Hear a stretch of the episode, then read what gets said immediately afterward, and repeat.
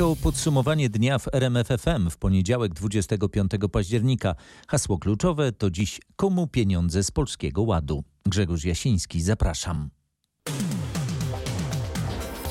Program Polski Ład został tak skonstruowany, by szanse na rozwój były wszędzie, w każdej gminie i powiecie, oświadczył Mateusz Morawiecki, uczestnicząc w konferencji dotyczącej ogłoszenia wyników pierwszego naboru w ramach Rządowego Funduszu Polski Ład Program Inwestycji Strategicznych. Premier zapowiedział też kolejną edycję wsparcia samorządów w ramach tego programu. To jest tylko częściowe oddanie nam pieniędzy, które nam się zabiera, komentują przedstawiciele Związku Miast Polskich.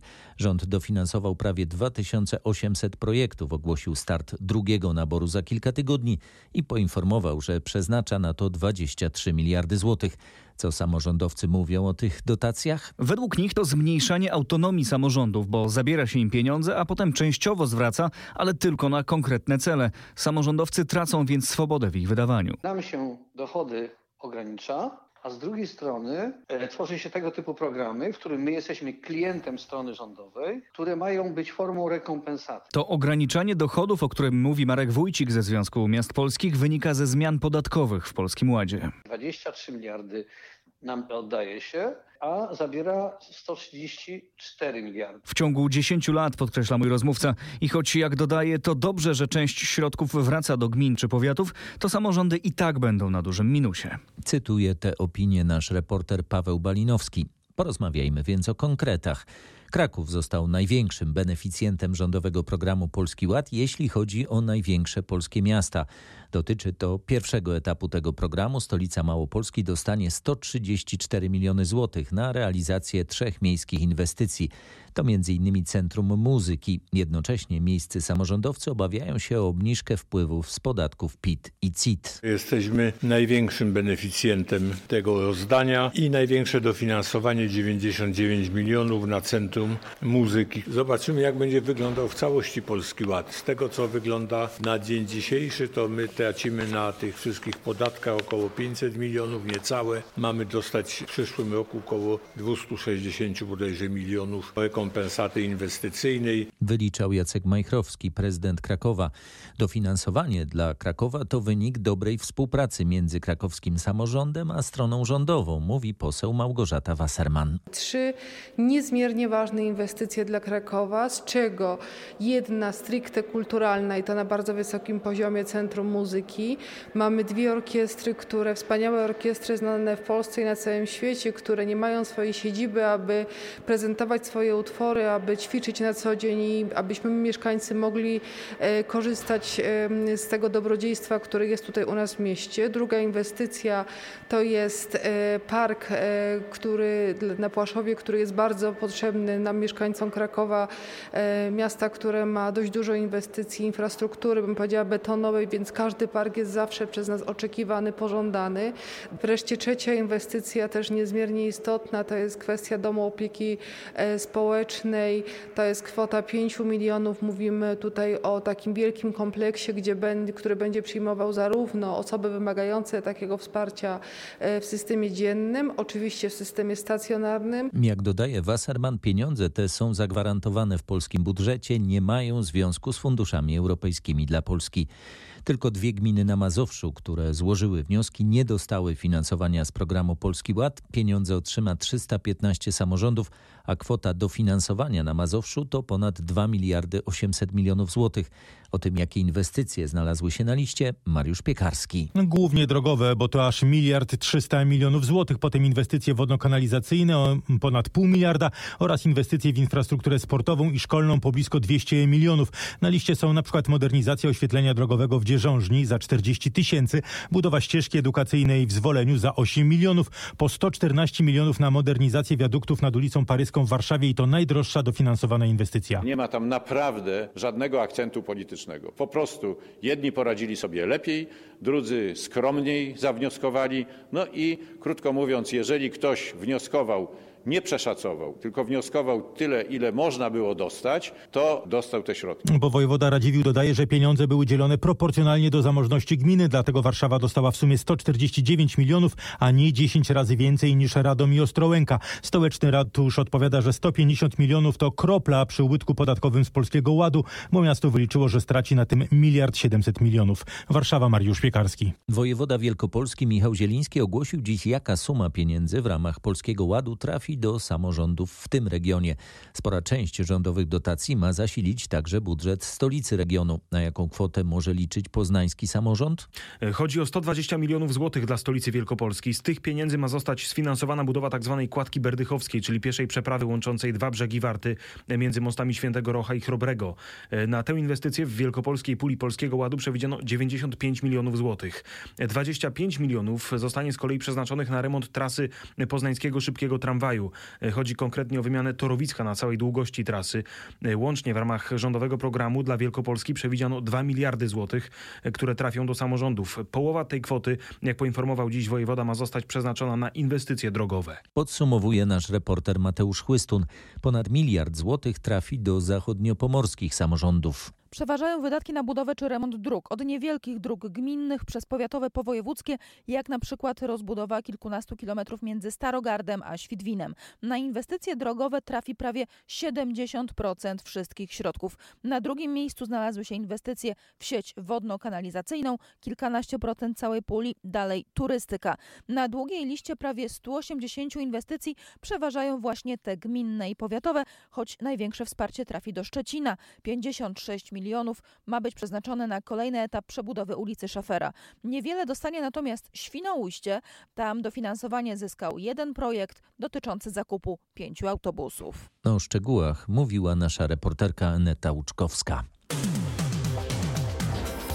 Dwie próby siłowego przekroczenia polskiej granicy przez cudzoziemców przebywających na Białorusi odnotowali w weekend strażnicy graniczni. Podczas jednej z takich prób rannych zostało dwóch żołnierzy. W okolicach miejscowości Usnaż Górny po białoruskiej stronie tuż przy ogrodzeniu z drutu kolczastego zebrało się około 60 osób. Ci cudzoziemcy, jak relacjonuje rzeczniczka straży, byli bardzo agresywni, próbowali przedrzeć się przez płot, mówiła Anna Michalska. Te osoby zostały odparte przez strażników granicznych i żołnierzy. Jeden z nich został uderzony przez cudzoziemców w twarz kamieniem, drugi e, gałęzią. Tym osobom nie zagraża żadne e, niebezpieczeństwo. E, w tej chwili już opuścili e, szpital. Funkcjonariusze użyli wobec cudzoziemców gazu łzawiącego. Jak dodaje rzeczniczka, wśród imigrantów mieli być też białoruscy funkcjonariusze po cywilnemu, którzy nożycami przecinali zasieki z drutu kolczastego. Relacjonował Krzysztof Zasada. Pomoc w nielegalnym przekroczeniu granicy, czerpanie z tego korzyści majątkowych i zagrożenie zdrowia i życia wielu osób.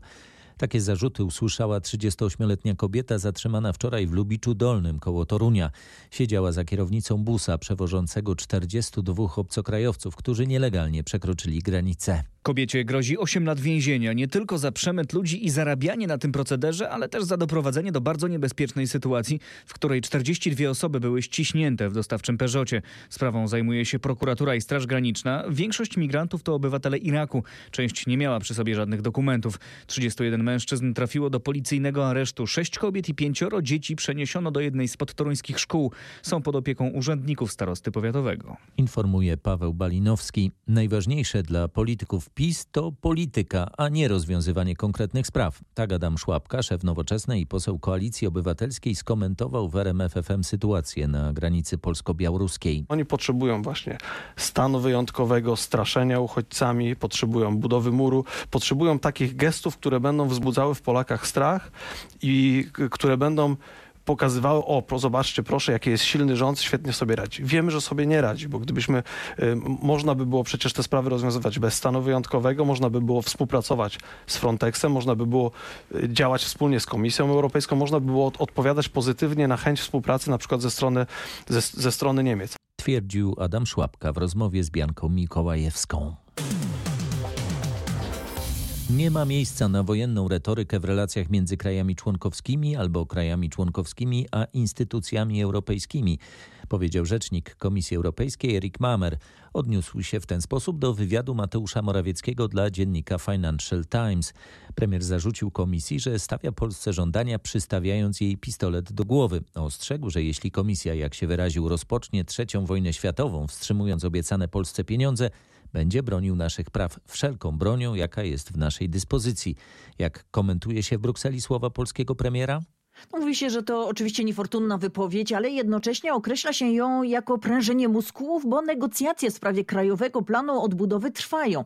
Wciąż jest możliwa akceptacja w przyszłym miesiącu Polskiego Krajowego Planu Odbudowy, tak aby Polska mogła otrzymać jeszcze w tym roku prawie 5 miliardów euro zaliczki. Premier w wywiadzie zapowiedział, że Izba Dyscyplinarna Sądu Najwyższego, którą CUE uznał za nielegalną, zostanie zlikwidowana do końca roku. Podczas szczytu premier jeszcze nie podawał tego terminu. Teraz widać sprawy się konkretyzują konkretyzują. To ustępstwo trzeba będzie jeszcze rozpisać na bardziej konkretny kalendarz, na etapy i zobowiązania i ma być to wpisane do Krajowego Planu Odbudowy. Premier żąda natomiast w wywiadzie wycofania przez Komisję Europejską wniosku o kary za niewykonanie wyroku CUE w sprawie Izby Dyscyplinarnej i oczywiście będzie to możliwe, jeżeli polskie władze rzeczywiście dadzą twarde zobowiązania co do likwidacji Izby Dyscyplinarnej relacjonowała Katarzyna Szymańska-Borginą. Paryż będzie się starał załagodzić spory między Komisją Europejską i polskim rządem, informuje nasz paryski korespondent Marek Gładysz.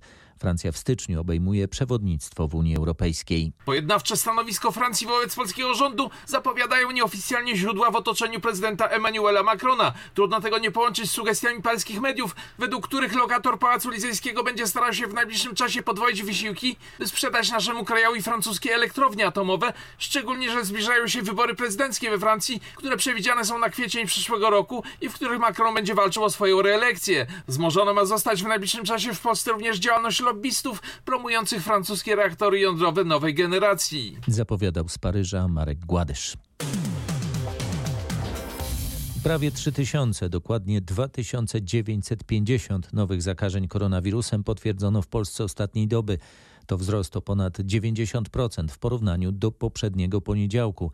Co jeszcze zwraca uwagę w raporcie Ministerstwa Zdrowia? Dobry wieczór. Najbardziej niepokojące według lekarzy jest szybkie tempo, w jakim zapełniają się oddziały covidowe. Ostatniej doby do szpitali trafiło najwięcej od wielu miesięcy, aż 336 osób. Teraz w całym kraju w lecznicach jest ponad 5 tysięcy pacjentów z koronawirusem. To, jak uważa profesor Magdalena Marczyńska ze Szpitala Zakaźnego w Warszawie, efekt tego, że coraz więcej osób niestety bagatelizuje pandemię, a niemal połowa z nas wciąż nie jest zaszczepiona przeciw COVID-19. Bardzo niewiele osób zaszczepionych choruje tak, że wymaga hospitalizacji. Naprawdę nie zastanawiamy się nad tym, czy nie robią już wrażenia na ludziach kolejne liczby zgonów, kolejne liczby zakażeń, zachorowań. Przestało w ogóle robić wrażenie. Ludzie się przestali bać COVID-u. Najwięcej nowych zakażeń ostatniej doby wykryto na Mazowszu, Lubelszczyźnie i na Podlasiu. I właśnie w tych województwach najtrudniejsza jest też sytuacja w szpitalach. Ponad 70% łóżek i ponad 80% respiratorów jest zajętych na oddziałach covidowych na Mazowszu. Właśnie w województwie mazowieckim ostatniej doby potwierdzono najwięcej, ponad 700 nowych zakażeń koronawirusem. Po południu główna lecznica covidowa na Mazowszu wstrzymała przyjęcia nowych pacjentów z COVID-19. Powód to kończąca się wydajność instalacji tlenowej. Jaka sytuacja jest w innych częściach Mazowsza? Najtrudniejsza sytuacja jest w rejonie Siedlec. W tamtejszym szpitalu covidowym zajęte są wszystkie łóżka. Chorzy trafiają teraz do Warszawy, do uruchomionego w ubiegłym tygodniu szpitala modułowego przy Wojskowym Instytucie Medycznym, a także do miejskiej lecznicy w Siedlcach. Tam oddział wewnętrzny został przekształcony w covidowy i od razu przyjęto tam 22 pacjentów. Za tydzień dodatkowe miejsca dla osób z koronawirusem będą uruchomione w Radomiu. Za to już w najbliższą środę o coraz trudniejszej sytuacji rozmawiać będą przedstawiciele mazowieckich szpitali, wojewoda, a także reprezentanci mazowieckiego NFZ. Wszystkie te informacje zebrał Michał Dobrołowicz. Także w szpitalach w Śląskiem będą uruchamiane dodatkowe miejsca dla pacjentów zakażonych koronawirusem. Obecnie jest blisko 900 łóżek, z czego około 250 jest zajętych. Chorzy na COVID-19 zajmują już także około połowy przeznaczonych dla nich respiratorów. Wojewoda Śląski Jarosław Wieczorek zapowiedział, że baza łóżek dla chorych na COVID-19 zwiększy się do ponad 1600. Jeśli to nie wystarczy, uruchamiane będą kolejne miejsca. Zależy nam niesłychanie, żeby robić to nie za wcześnie, po to, żeby miejsc dla pacjentów nie-covidowych w żadnym momencie e, nie zabrakło, żeby ta dostępność, powszechność do ochrony zdrowia była w tej chwili w żaden sposób nie zagrożona. Wojewoda podkreślił, że na razie sytuacja w Śląskiem jest stabilna. Przypomniał, że w poprzedniej fali epidemii wiosną w szpitalach w województwie leżało jednocześnie nawet 5 tysięcy osób. Informuje Anna Kropaczek. Także w małopolskich szpitalach zwiększana jest liczba miejsc dla pacjentów z koronawirusem. Już teraz hospitalizowanych jest 306 osób. Wciąż najmniej zaszczepionych osób jest na Podhalu. Zbliża się kolejny ważny dla Podhala sezon turystyczny. Jeżeli liczba zaszczepionych wciąż będzie tak niska, oznaczać to może ograniczenia dla tego regionu a więc ograniczenia w turystyce, mówi wojewoda małopolski Łukasz Kmita. Ta dzienna liczba hospitalizacji wynosi już ponad 300. Realizujemy kolejne etapy dotyczące otwierania łóżek covidowych. Ta sytuacja pandemiczna powinna, myślę, zmusić wszystkich do myślenia, szczególnie, że Podhale i ziemia tatrzańska żyje z turystów. Być może jakieś ograniczenia dotyczące małego lockdownu zostaną wprowadzone, a więc jeśli mieszkańcy Podhala chcą zarabiać, muszą wziąć pod uwagę, że najlepiej zaszczepić się Obecnie w regionie przygotowano 700 łóżek dla covidowych pacjentów. Do końca tygodnia będzie ich 900. W związku z czwartą falą pandemii szykujemy się do uruchomienia szpitala tymczasowego we Wrocławiu. Nastąpi to między 15 a 20 listopada, zapowiada wojewoda dolnośląski Jarosław Obremski. Eksperci utrzymują, że na Dolnym Śląsku e, szczyt fali będziemy mieli koło 20 grudnia. To będzie być może do 2000 zakażeń dziennie, ale te przewidywania na razie najbardziej takie e, częste to są, że będzie zajętych około 1400 łóżek. Czyli to jest mniej niż było w czasie drugiej fali. Sprzętowo jesteśmy przygotowani, natomiast oczywiście limitem jest liczba anestezjologów, pielęgniarek. Protestujący lekarze przestrzegają, że ochrona zdrowia nie jest gotowa na czwartą falę epidemii. Według medyków rząd nie wyciągnął lekcji z poprzednich fal.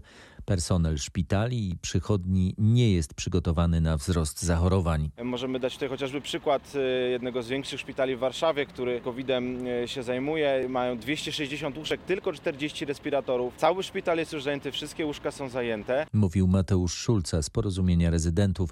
Rozmowy między rządem a protestującymi lekarzami pozostają zamrożone. Dyskusje toczą się w ramach zespołu trójstronnego, w którym reprezentacji nie mają sami medycy. Ze strony Ministerstwa Zdrowia nie ma jak gdyby informacji zwrotnej, aby nasze propozycje przedyskutować. Przekonywała Mariola Łodzińska, wiceprezes Naczelnej Rady Pielęgniarek i Położnych. Dymisje w ministerstwach rolnictwa i klimatu oraz powołanie nowych szefów resortów rozwoju i sportu. Jutro po wielotygodniowych oczekiwaniach prezydent ma dokonać zmian w rządzie. Dlaczego rekonstrukcja gabinetu jest potrzebna? Dobry wieczór. Kształt rządu musi odzwierciedlać kształt koalicji Zjednoczonej Prawicy, a w tej ostatnio zaszły spore zmiany. W miejsce porozumienia weszła Partia Republikańska i Adam Bielan. Jego ugrupowanie ma otrzymać teraz reprezentację w rządzie w postaci ministra sportu Kamila Bortniczuka. Premier musi też uzupełnić wakat po Jarosławie Gowinie w resorcie rozwoju. Miejsce byłego wicepremiera ma zająć pracujący obecnie w Międzynarodowym Funduszu Walutowym Piotr Nowak. Ze swoimi funkcjami pożegnają się za to Grzegorz Puda w Ministerstwie Rolnictwa oraz Michał Kurtyka w Ministerstwie Klimatu. Prezydent dokona zmian w rządzie jutro po południu. Zapowiada nasz reporter Roch Kowalski. Niezbędne minimum. Tak o rekompensatach za rosnące ceny prądu mówią w RMFFM eksperci. Rząd planuje, że państwo zapłaci najuboższym nawet połowę rachunku za energię elektryczną i gaz do 73 zł miesięcznie. Jak rozwiązanie oceniają specjaliści? Dobre, potrzebne i słuszne. Tak mówi zdecydowana większość, również zajmujący się sektorem energetycznym Wojciech Jakubik z portalu Biznes Alert. Forma pomocy społecznej, bo tak należy patrzeć na to rozwiązanie, jest niezbędnym minimum, które pozwoli przetrwać najsłabszym. Bo podwyżki cen prądu mogą sięgnąć nawet kilkudziesięciu procent i nie skończą się tej zimy. Będzie coraz drożej, ale ta pomoc, rządowa pomoc mogłaby być lepiej wycelowana, zwraca uwagę uwagę analityk Jan Frankowski z Instytutu Badań Strukturalnych. Dodatki energetyczne no niekoniecznie są dobrze adresowane, ponieważ e, w Polsce ubóstwo energetyczne przede wszystkim wiąże się z ogrzewaniem w mniejszym stopniu z korzystaniem z energii elektrycznej. A najwięcej, bo 45% z nas ogrzewa swój dom piecami na drewno czy węgiel. Na tym rynku też drożyzna, a dopłaty takich gospodarstw nie obejmują. Informuje nasz reporter Maciej Sztykiel. Środowiska narodowe mogą maszerować przez Warszawę 11 listopada. Marsz Niepodległości nadal będzie zgromadzeniem cyklicznym. Wojewoda mazowiecki Konstanty Radziwił podpisał wniosek złożony przez Stowarzyszenie Marsz Niepodległości. Co to oznacza? To oznacza, że Marsz Niepodległości znowu ma pierwszeństwo 11 listopada i inne zgromadzenia muszą ustąpić narodowcom miejsca, nawet te, które zgłosiły swoje manifestacje, gdy wygasła cykliczność Marszu Narodowców. Ale teraz wojewoda odnowił cykliczność marszu. Wojewoda nie mógł podjąć innej decyzji, jeżeli stoi na gruncie legalności, a tak właśnie jest. Tyle, że według stołecznego ratusza w ubiegłym roku marsz był nielegalny, a więc nie odbywał się trzy razy z rzędu, a przez to nie może być znowu zgromadzeniem cyklicznym, mówi Monika Bojt-Lutyk z ratusza. Ta cykliczność została przerwana, tak? ponieważ sąd podtrzymał decyzję prezydenta Warszawy o jego rozwiązaniu. Legalny czy nie, ważne, że był, odpowiada Radziwił. Więc skoro miało miejsce, to spełniony jest również właśnie ten warunek, że wydarzenie musiało się odbyć. Tak mówi wojewoda mazowiecki. Warszawa Mariusz Piekarski. Warszawiacy poczekają na południową obwodnicę Warszawy. Dalej nie ma zielonego światła od Straży Pożarnej. Odbiorów znów nie przeszedł ponad dwukilometrowy tunel pod Ursynowem, który po raz drugi nie zdał prób ogniowych. Nie działa jeden z sześciu wentylatorów, mówi rzecznik mazowieckiego komendanta Państwowej Straży Pożarnej Karol Kieszkowski. Mamy sytuację taką, że systemy przeciwpożarowe generalnie działają, wykrywają pożar czy skażenie. Są klapy dymowe, które działają, informacja świetna i, dźwiękowa i, i te wszystkie przeciwpożarowe wyłączniki prądu i to wszystko zadziałało, ale niestety wentylacja nie osiągnęła 100% swojej wydajności, którą zakładano. Jeden z wentylatorów po prostu nie, nie działa prawidłowo. No jeszcze chwilkę trzeba poczekać, no na pewno ta naprawa, tak jak nam nieoficjalnie przekazano, może potrwać około 2-3 tygodni. Według Generalnej Dyrekcji Dróg Krajowych i Autostrad kierowcy pojadą południową obwodnicą Warszawy jeszcze w tym roku. Nowe, jedno z największych w Europie Centrum Technologii Chmurowej firmy Google od jutra będzie działać w centrum Warszawy. Z powierzchni ponad 20 tysięcy metrów kwadratowych korzystać będą programiści z kilkunastu krajów świata. Nad czym będą tutaj pracować pracownicy Google'a? Inżynierowie, inżynierki będą pracować nad wszystkimi takimi najważniejszymi technologiami, które sprawiają, że sklepy internetowe, z których korzystamy, szybko wypluwają nam zamówienia, że wyszukiwarka czy YouTube pokazują nam w mgnieniu oka to, e, czego szukamy. Te pokoje, biura są e, podzielone i przypominają regiony Polski. Dokładnie tak. Mamy salki nazwane tak jak Plac Solny albo Jezioro Mamry. Ile tu jest pokoi, gabinetów? Bardzo duża ilość. Na 14 piętrach są nie tylko biurka, ale też nawet pokoje do drzemek. Co najbardziej zwraca uwagę tutaj dookoła? No chyba widok na całą Warszawę 360 stopni z 31 piętra. Z Olgą Sztubą i Adamem Malczakiem z Google Polska rozmawiał nasz reporter Michał Dobrołowicz. Generał Mirosław Hermaszewski został zatrzymany na Mazowszu za jazdę po pijanemu. Badanie wykazało w jego organizmie prawie 0,6 promila alkoholu. Policjanci zatrzymali pierwszego polskiego kosmonauta koło miejscowości Kiełpieniec. Jego samochód jadący zygzakiem wypatrzyli policjanci po cywilnemu, którzy akurat jechali tuż za nim. Powiadomili patrol drogówki, że kierowca może być nietrzeźwy. Funkcjonariusze zjawili się chwilę potem i zatrzymali Volvo. Zbadali alkomatem 80-letniego prowadzącego i okazało się, że ma prawie 0,6 promila alkoholu w organizmie. Po spisaniu protokołu Mirosław Hermaszewski został zwolniony, a samochód przekazano trzeźwej osobie. Generałowi grozi odpowiedzialność karna. Taki poziom alkoholu we krwi kierowcy to przestępstwo. O szczegółach sprawy nasz reporter Krzysztof Zasada, z którym jednak się nie rozstajemy. Szef jednej z sekcji elitarnego oddziału kontrterrorystycznego BOA, który po pijanemu brał udział w kolizji drogowej, będzie zwolniony z policji ze względu na ważny interes służby. To nieoficjalne ustalenia reportera RMFFM w sprawie zdarzenia z zeszłego weekendu z powiatu mińskiego na Mazowszu. Dlaczego ten policjant do tej pory nie został nawet zawieszony? No, jak usłyszałem, pojawiły się wątpliwości, czy to on kierował samochodem, który brał udział w zdarzeniu. Policjant, tłumacząc się przełożonym, stwierdził teraz, że pojazd prowadziła inna inna osoba, która uciekła. Dlatego trwa jeszcze wewnętrzne postępowanie wyjaśniające. Z kolei prokuratura nie ma już takich wątpliwości. Jak usłyszałem od śledczych, są zeznania świadków wskazujące na to, że to funkcjonariusz BOA miał być kierowcą.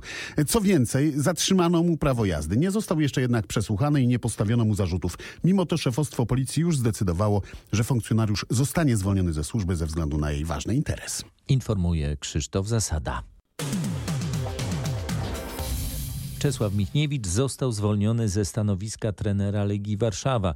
Klub wydał dziś oficjalny komunikat w tej sprawie. Kto go zastąpi? Będzie to Marek Gołębiewski, czyli dotychczasowy trener rezerw stołecznego klubu. Jego asystentem będzie Przemysław Małecki, który pracował w sztabie Czesława Michniewicza.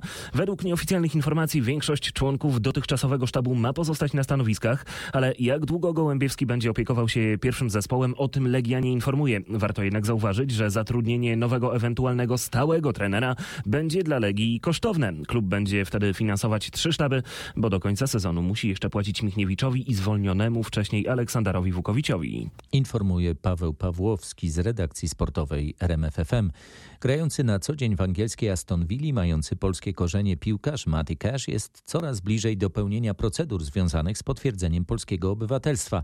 Decyzja może zapaść w najbliższych dniach, a to pozwoli mu zagrać w piłkarskiej kadrze w biało-czerwonych barwach. Zgrupowanie kadry przed ostatnimi w tym roku pojedynkami z Andorą i Węgrami rusza za dwa tygodnie. Wniosek złożony przez piłkarza jest teraz analizowany, tłumaczy wojewoda mazowiecki Konstanty Radziwił, który może wydać decyzję potwierdzającą obywatelstwo Kesza. Myślę, że niebawem, być może już dosłownie na dniach decyzja zapadnie. Staramy się to zrobić najszybciej jak się da, ale też porządnie. Na pewno reprezentacyjny debiut Kesza byłby sporym wydarzeniem. Ostatnim selekcjonerem, który szeroko sięgał po urodzonych za granicą piłkarzy polskiego pochodzenia był Franciszek Smuda. Za jego kadencji w kadrze debiutowali Damian Perkis czy Ludowik Obraniak oraz urodzony w Sosnowcu, ale wychowany w Niemczech Eugen Polański. Jak przypomina Patryk Serwański z redakcji sportowej RMFFM, Kasz w weekend w Londynie spotkał się z Paulo Sousą.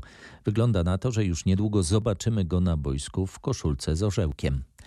50 tysięcy franków szwajcarskich, czyli ponad 215 tysięcy złotych i zakaz wyjazdu polskich kibiców na najbliższy mecz eliminacji Mistrzostw Świata z Andorą.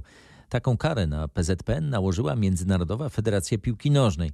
Chodzi o zachowanie polskich fanów podczas meczu z Albanią w Tiranie. Kibice biało-czerwonych mieli rzucać różnymi przedmiotami w stronę trybun gospodarzy. Zwrócimy się do FIFA o uzasadnienie tej decyzji, zapowiada prezes PZPN Cezary Kulesza. Dostaliśmy taką informację, ale będziemy chcieli zwrócić się jeszcze raz do FIFA, żeby po prostu szczegółowo przedstawiła nam, za co jest ta kara, bo na dzień dzisiejszy nie mamy takiej informacji. Wcześniej ukarana została albańska federacja. Kara za incydenty, które zmusiły sędziego do przerwania meczu, m.in. rzucanie butelek na murawę, to 150 tysięcy franków szwajcarskich grzywny i zamknięcie stadionu na najbliższy mecz, także z Andorą. W pogodzie scenariusz na ten tydzień Polska złota jesień. Z dnia na dzień będzie się robić coraz cieplej, nie zabraknie też słońca. W północno-zachodniej Polsce jeszcze tylko jutro możemy spodziewać się słabych, przelotnych opadów deszczu. Później słabnący front będzie się przemieszczał na wschód. A jeszcze później? I po tym okresie tak naprawdę będzie wystrzał jeszcze piękniejszej jesieni, ponieważ e, będzie coraz wyższa temperatura. Im bliżej niedzieli, tym wyższa wartość na termometrach. Nawet do 18 stopni w czwartek, w piątek w Polsce południowo-zachodniej. Wartości w dzień będą dwucyfrowe, wszędzie będą powyżej 10 stopni Celsjusza. Oczywiście standardowo na wschodzie najchłodniej, tam około 10-12, na zachodzie początkowo około 15, ale tak jak powiedziałem, czwartek 17-18 stopni, więc przed nami bardzo piękny okres. Mówił Grzegorz Walijewski z Instytutu Meteorologii i Gospodarki Wodnej. Tyle na dziś. Kolejne podsumowanie dnia w RMFFM już jutro wieczorem. Grzegorz Jasiński, dziękuję. Dobrej nocy.